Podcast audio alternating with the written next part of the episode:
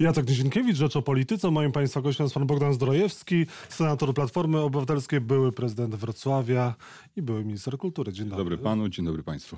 Dlaczego Grzegorz Schetyna powinien odejść?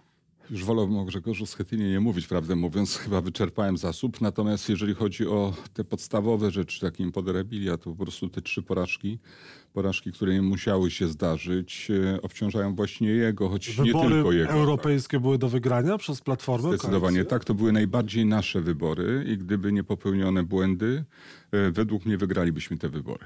Pan alarmował, y, mówił, że jest jakaś inna strategia, którą Platforma powinna e, Mówiłem przyjąć? o tym, napisałem list, który wylądował w koszu.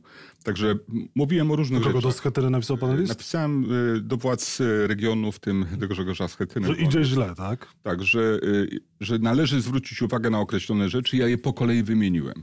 No i potem widziałem, że mm, to wylądowało w koszu. Mm, Wybory samorządowe również były do wygrania? Wybory Parlament- samorządowe były do wygrania według mnie, zwłaszcza w dwóch regionach. y, Na Dolnym Śląsku i na Śląsku. Tam tych błędów nie było dużo, ale były to błędy trochę obsadowe, trochę y, z lekceważenia y, też takiej samorządowej nutki, która powinna być wyrazista, ona była bardzo słaba. Natomiast to była nieznaczna porażka, y, natomiast też niepotrzebna.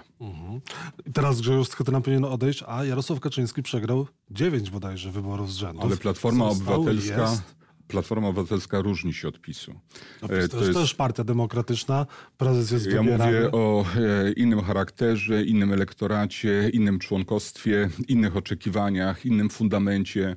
E, Platforma bardzo różni się od PiSu i w związku z tym ten mechanizm powinien być mocniejszy. Ja jeszcze o jednej rzeczy mówiłem, choć nie chciałem tego już powtarzać. Wydaje mi się, że Grzegorz Schetyna jako szef Platformy Obywatelskiej nie wzmacnia Małgorzaty Kidawy-Błońskiej jako kandydatki na prezydenta. Prawybory nie wzmocniły Małgorzaty Kidawy-Błońskiej? Prawybory wzmocniłyby Małgorzatę Kidawę-Błońską, gdyby przebiegały troszkę inaczej. E, Kandydaturę Jaśka, Jacka Jaśkowiaka, ja jej nie neguję. To jest e, ciekawy prezydent. Natomiast uważam, że ten tryb z jej zgłoszenia, ta tajemniczość, ten ostatni moment, e, te takie sztuczne napięcie i potem dość niefortunna e, jednak debata e, były pewnym kosztem. Natomiast wynik, e, jaki osiągnęła Małgorzata Kidawa-Błońska, te ponad 300 głosów, rzeczywiście umocniło ją. Tak? Prawybory nie były potrzebne Platformie? Byłyby potrzebne, gdyby byli kontrkandydaci od razu do tych prawyborów przygotowani. W takiej formule, jak rozumiem, były niepotrzebne. Niepotrzebne. Strata czasu. Tak, dokładnie. Tak, tego czasu mamy zresztą tak mało, że się nawet, nawet martwię tym styczniem, który będzie oznaczał koncentrację na wyborach wewnętrznych Platformy Obywatelskiej, zamiast na wzmacnianiu Małgorzaty Kidawy-Błońskiej. Nie boi się pan, że Grzegorz Schetyna pana zniszczy? Nie, nie boję się. Ja- zresztą uważam, że e, są przesadzone te e, opinie o jego takim e, fatalnym charakterze. Jak Nie jest takim zamordystą, jak go przedstawiają Bywa, koledzy? Bywa, ale nie jest. Ja uważam, że w nim jest dużo ciekawych cech, natomiast szkoda, że akurat od czasu do czasu przeważają te gorsze. To się zdarza. Donald Tusk napisał w swojej książce o Grzegorzu Schetynie inteligentny, ale nie błyskotliwy. Je- Jest oczywiście pewien problem z taką kreatywnością. To jest osoba, która świetnie się czuje w takich mandrach życia partyjnego, czysto politycznego. Natomiast oczywiście sam siebie nie przeskoczy, jeżeli chodzi o pozyskiwanie e, takich opinii, które będą e, dla niego kończyły się komplementem niezwykły autorytet. A w e, wyborach prezydenckich ten autorytet Małgorzacie Kidawie-Błońskiej jest potrzebny w Platformie Obywatelskiej, bo ta Platforma Obywatelska będzie ponosiła odpowiedzialność, ale także e, tą aktywność będzie musiała mieć najwyższą e, i tego nikt nie wyklucza. Schetyna teraz prowadzi Platformę do kolejnej porażki? Taka polityka, jaką teraz uprawia Platforma, e, to Słuchałem, jest słuchałem? Grzegorza Schetyny na ostatniej e, konwencji i muszę powiedzieć, że wiele elementów, które się tam pojawiły, są elementami prawidłowo zbudowanymi. To był No, Dobre wystąpienie. To był wreszcie dobry, dobry przekaz. Tylko on się nijak nie ma do tego wszystkiego, co się działo przez cały rok, zarówno w jego przekazach, w jego aktywności, jak i również w tej polityce, która e, no, miała trafić do naszych wyborców, a trafiała przede wszystkim jako antypis. I co, teraz Platforma Bogdana Zdrojewskiego mogła być platformą lepszą i od stycznia zaprowadzić e, wasze ugrupowanie do pierwszego zwycięstwa? Jestem kandydatem, jestem kandydatem, który ma zbudować pewną powagę. Ma zbudować też e, dobrą organizację. Jestem bardzo dobrym organizatorem przede wszystkim. To potwierdzam jako minister kultury, jako prezydent miasta, jako szef Schetyna klubu. też jest bardzo dobrym organizatorem. Sam pan to przyzna. E, Tak, ale dodaję te inne elementy i dodaję także e, rzeczywiście mam takie do, taką dobrą empatię wyborczą. Wiem, jak należy wybory budować w określonym czasie w odniesieniu do określonego zadania. Inaczej te wybory muszą wyglądać, jak są, to są samorządowe, inaczej jak są europejskie, inaczej jak się startuje do Senatu. E, Wydaje mi się, że to moje doświadczenie w chwili obecnej jest bezcenne i dla Małgorzaty Kidawy-Błońskiej byłoby czymś absolutnie jakim, taką wartością dodaną. Ale ma pan odpowiednią energię, ma pan charyzmę i ludzi ze sobą w Platformie? Energii mi nigdy nie brakuje, choć ja nie jestem cholerykiem. Ja jestem e, raczej osobą, która na zewnątrz tych emocji nie pokazuje, ale emocje posiadam. E, Sił, takiej energii i pomysłów mi nie brakuje. Od kilku tygodni prezentuję i na Twitterze, i na Facebooku, na fanpage'u pewne elementy programowe, które się odnoszą do sytuacji w samej platformie i pewne wobec samych wyborców, którzy patrzą na tą platformę i oczekują od niej określonych aktywności. Tego mi na pewno nie zabraknie. A szable w Platformie Obywatelskiej są ludzie, którzy pójdą za panem? Nie lubię pojęcia szabli, bo ja nie jestem człowiekiem wojny. E, Natomiast e, bywam człowiekiem walki. Z mojego oglądu wynika, że te osoby, które wspierają moje kandydowanie, e, są dosyć liczni. Są zróżnicowani, jeżeli chodzi o teren, ale także wiek. Więc mam wsparcie zarówno młodszych kolegów, koleżanek, co mnie bardzo cieszy, e, ale także tych, którzy są już doświadczonymi e, politykami, zakładali platformę i oni uważają, że znając mnie przez tyle, tyle lat, na ten okres przejściowy, ale niezwykle ważny, będę tym kandydatem najbardziej optymalnym. W Platformie jest zmęczenie rządami Schetyny? Jest, to bez wątpienia. To jest dobre określenie. Jest zmęczenie. e, Jest nawet takie przekonanie, że e, Grzegorz wiele dla Platformy zrobił, nikt tego mu nie odejmuje, ale że e, także wraz z otoczeniem spowodował zatrzymanie tej, się tej platformy jak wielkiego statku, takiego trudnego do e, manewrowania i że w efekcie tego możemy zaliczyć następną porażkę, a na to nas już napa- naprawdę nie stać. Jaką rolę mógłby pełnić Grzegorz Schetyna potem, gdyby przestał być szefem Platformy? E, Ja, ja uważam, że Grzegorz powinien być cały czas aktywny w platformie, ale jemu potrzebna jest taka pauza. Jemu potrzebny jest taki e, reset troszeczkę e, i on na pewno w tej platformie posiada swoje miejsce, swoje aktywności, swoje atuty. Natomiast ja nie będę mu w tej chwili wyznaczać roli. Urodzony sekretarz generalny partii? Sekretarzem generalnym był bardzo dobry. Pan wie, na co te 3 miliony poszły na jeden z funduszy e, pieniądze z Platformy? Nie wiem, zaniepokoiłem się, bo to taka kolejna sprawa owiana tajemniczością. Tak nie powinno być. Platforma Obywatelska jest formacją demokratyczną, w której transparentność jest pewną wartością i ta informacja o tym, że tak duże środki są na ekspertyzy, a tak dużo nam brakuje na ekspertyzy e, w różnych kwestiach, no, zbulwersowało członków partii. Mhm. Pan mówi, że nie przegrał jeszcze żadnych wyborów, a nie ma pan takiego poczucia, że idzie właśnie do tej pierwszej porażki? Y, Ja, y, jeżeli, chodzi, jeżeli chodzi o wewnętrzne wybory, nie traktuję je w kategoriach y, tych wyborów, gdzie elektorat jest kluczowy. Dla mnie elektorat zawsze był kluczowy. Ja zawsze odnosiłem się do elektoratu. Startując teraz na przewodniczącego Platformy, też odnoszę się bardziej do elektoratu niż do twardych członków Platformy Obywatelskiej. Taki mam charakter i uważam, że nie wolno iść po władzę dla władzy. Nie wolno y, iść na określone stanowisko dla stanowiska. Trzeba wiedzieć, co z nim zrobić. I dlatego też ja uważam, że dla mnie najistotniejsze jest uzyskanie tej akceptacji zewnętrznej. I wydaje mi się, że z tej akceptacji zewnętrznej powinien wynikać sukces wewnętrzny. Dzisiaj Platforma idzie w taką stronę, że w przyszłości Lewica może ją zastąpić jako główny kontrkandydat Prawa i Sprawiedliwości? Dobrze pan to określił. Ja uważam, że Platforma zbyt często była reaktywna i w tej materii, w materii y, swojej, swojego charakteru poruszała się od ściany do ściany. My czasem byliśmy bardziej lewicowi od lewicy. Na listach do Parlamentu Europejskiego daliśmy kandydatów, wyraziliśmy zgodę na kandydatów ekstra twardych, lewicowych i to pokolenia tego najstarszego. Natomiast czasami jesteśmy bardzo na prawo, rywalizując w niektórych rzeczach z prawem i spra- sprawiedliwością. Tracimy na tym wiarygodność.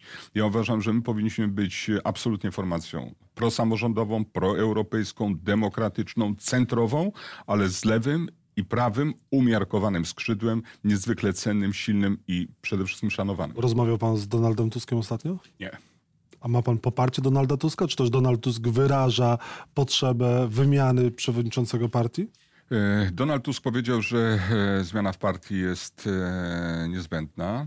Powiedział to po swojemu. Ja nie zabiegam o poparcie u Donalda Tuska z paru powodów. Uważam, że to jest niezręczne. Obserwuję niektóre próby podklejenia się pod rozmaite autorytety, także zrobienia sobie jakiegoś e, e, zdjęcia z Donaldem Tuskiem, to nie, to nie w moim stylu.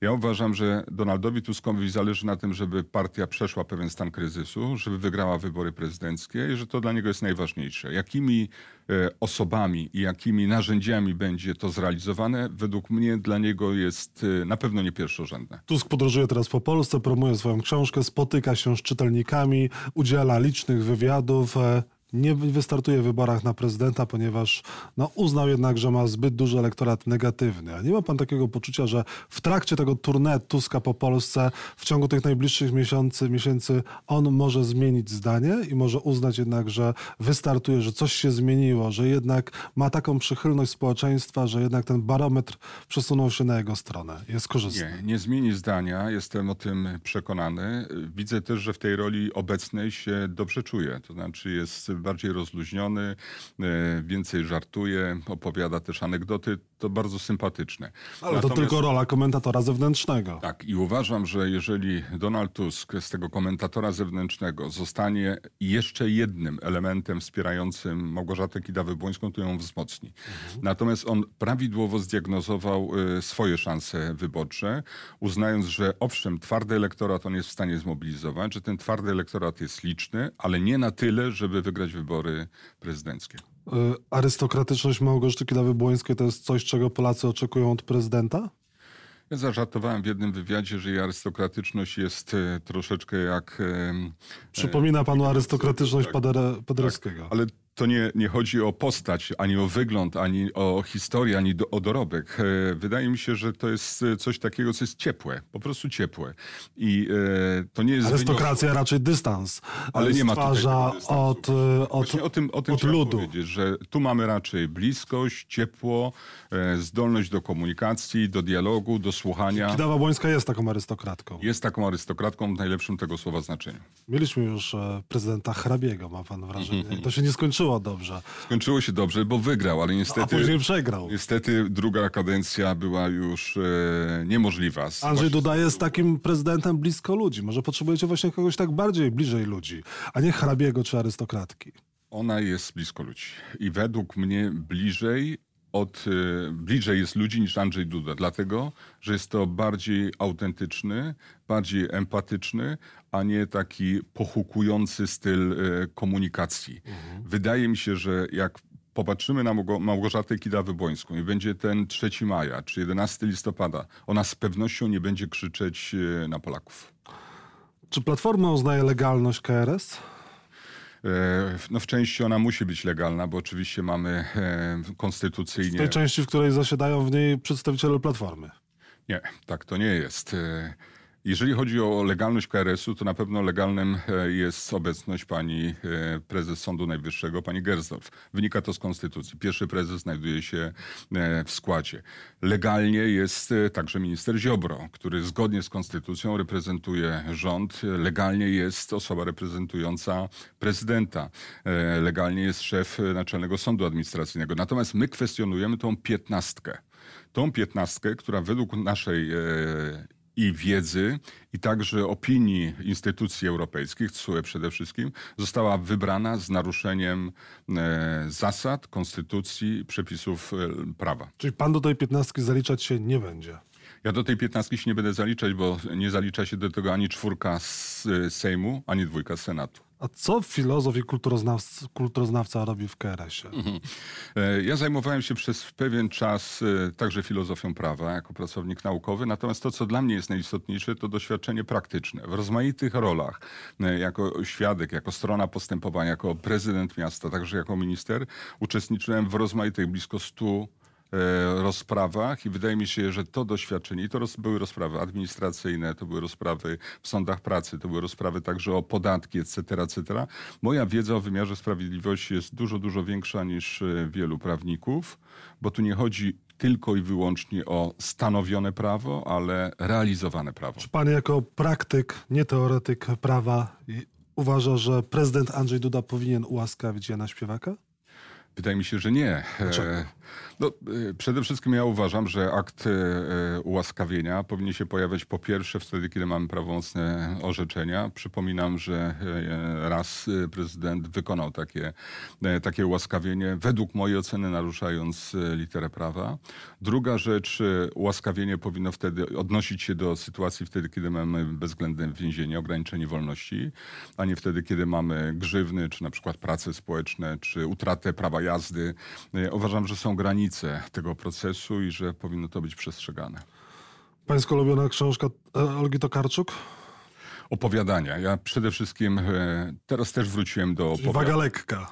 Waga e, może nie tyle lekka, bo nie o le e, wagę chodzi, tylko ja po prostu z racji tego, że jestem bardzo, bardzo zajęty, lubię wykorzystać pół godziny w samolocie, 45 minut na przeczytanie czegoś w całości. Trzeba czytać to Karczuk? Czy... Trzeba, bo to jest fantastyczny język. To jest fantastyczne też, nawet w jednej publikacji znajdujemy od razu przeniesienie się do czasów tam szwedzkich na przykład, czy do lotu samolotem, czy do takich doświadczeń to jest fantastyczne przemieszczanie się w przestrzeni czasowej. Ale wicepremier Sasin mówi, że nie czytał i nie zamierza przeczytać. Inni e, przedstawiciele rządu, jak na przykład minister kultury Piotr Gliński, pański następca na funkcji ministra kultury, mówi, że żadnej książki nie doczytał. Co pan by polecił Piotrowi Glińskiemu? E, popełnia błąd. E, ja też uważam, że ktoś, kto jest ministrem obrony, nie musi być dobrze rozeznany w literaturze.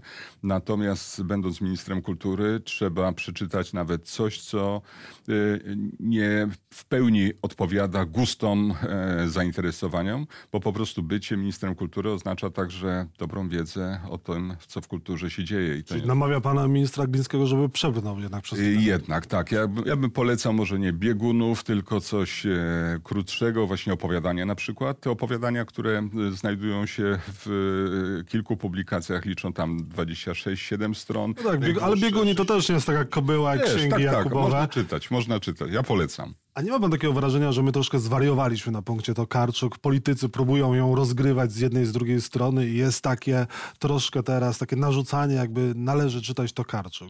No nie ma obowiązku czytania Tokarczuk. Nie ma obowiązku, natomiast to, że my zwariowaliśmy, to jest fantastyczne. To znaczy ja zawsze uważałem, pan że... Pan zwariował tutaj, na punkcie Tokarczuk. E, ale to stało się przed Noblem, okay. na szczęście. na szczęście przed Noblem.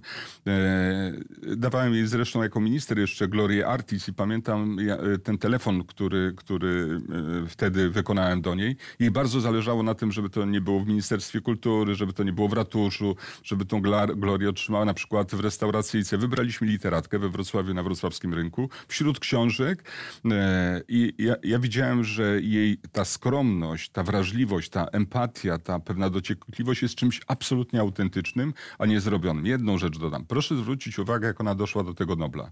To, to nie jest na koniec życia. To nie jest jakiś skok. To jest bardzo konsekwentny konsekwentna droga poprzez liczne nagrody krajowe, europejskie, londyńskie, etc., etc., poprzez e, fenomenalne przyjęcia na, na targach książki. Ja uważam, że mamy noblistkę w fantastycznym wieku, w fantastycznej formie, intelektualnie niezwykle interesującej, więc warto na punkcie Olgi Tokarczuk zwariować, bo to dobrze o nas świadczy. I co podobnie będzie z Bogdanem Zdrojewskim, NSZ? Na moim punkcie nikt nie zwariuje. Piesek mój może zwariować. Senat, e, Sejm, Ministerstwo Kultury, wcześniej prezydentura e, Wrocławia mhm. i teraz ja w jakimś sensie jestem oczywiście... Platformy? W jakimś sensie jestem politykiem kompletnym, bo wykonywałem zadania te, które mają charakter wykonawczy, czyli tak jak prezydentura czy Ministerstwo Kultury. Byłem szefem klubu Platformy Obywatelskiej, czyli te polityczne. Byłem członkiem zarządu Platformy przez długi czas. Eurodeputowanym, senatorem w latach 90. Ponownie jestem w Senacie, w Sejmie, etc. Więc jestem kompletnym i mam też taką wiedzę, jakie osoby i jakie e, czynności, aktywności nam są potrzebne, aby osiągnąć sukces. A nie zrezygnuje pan na ostatniej prostej, podobnie jak chociażby Tomasz Simoniak? Nie, ja nie zrezygnuję przede wszystkim dlatego, żeby właśnie nie powtórzyć e, tej sytuacji. Natomiast e, widzę wśród tych kandydatów, kandydatów, e, którzy są mi bliscy w niektórych elementach, ale wydaje mi się, że żaden konkurent Grzegorza Schetyny nie reprezentuje tej kompletności, którą ja posiadam. Bogdan Zdrojewski był Państwa i moim gościem. Możliwe, że przyszły szef Platformy Obywatelskiej. Dziękuję Dziękuję bardzo. bardzo.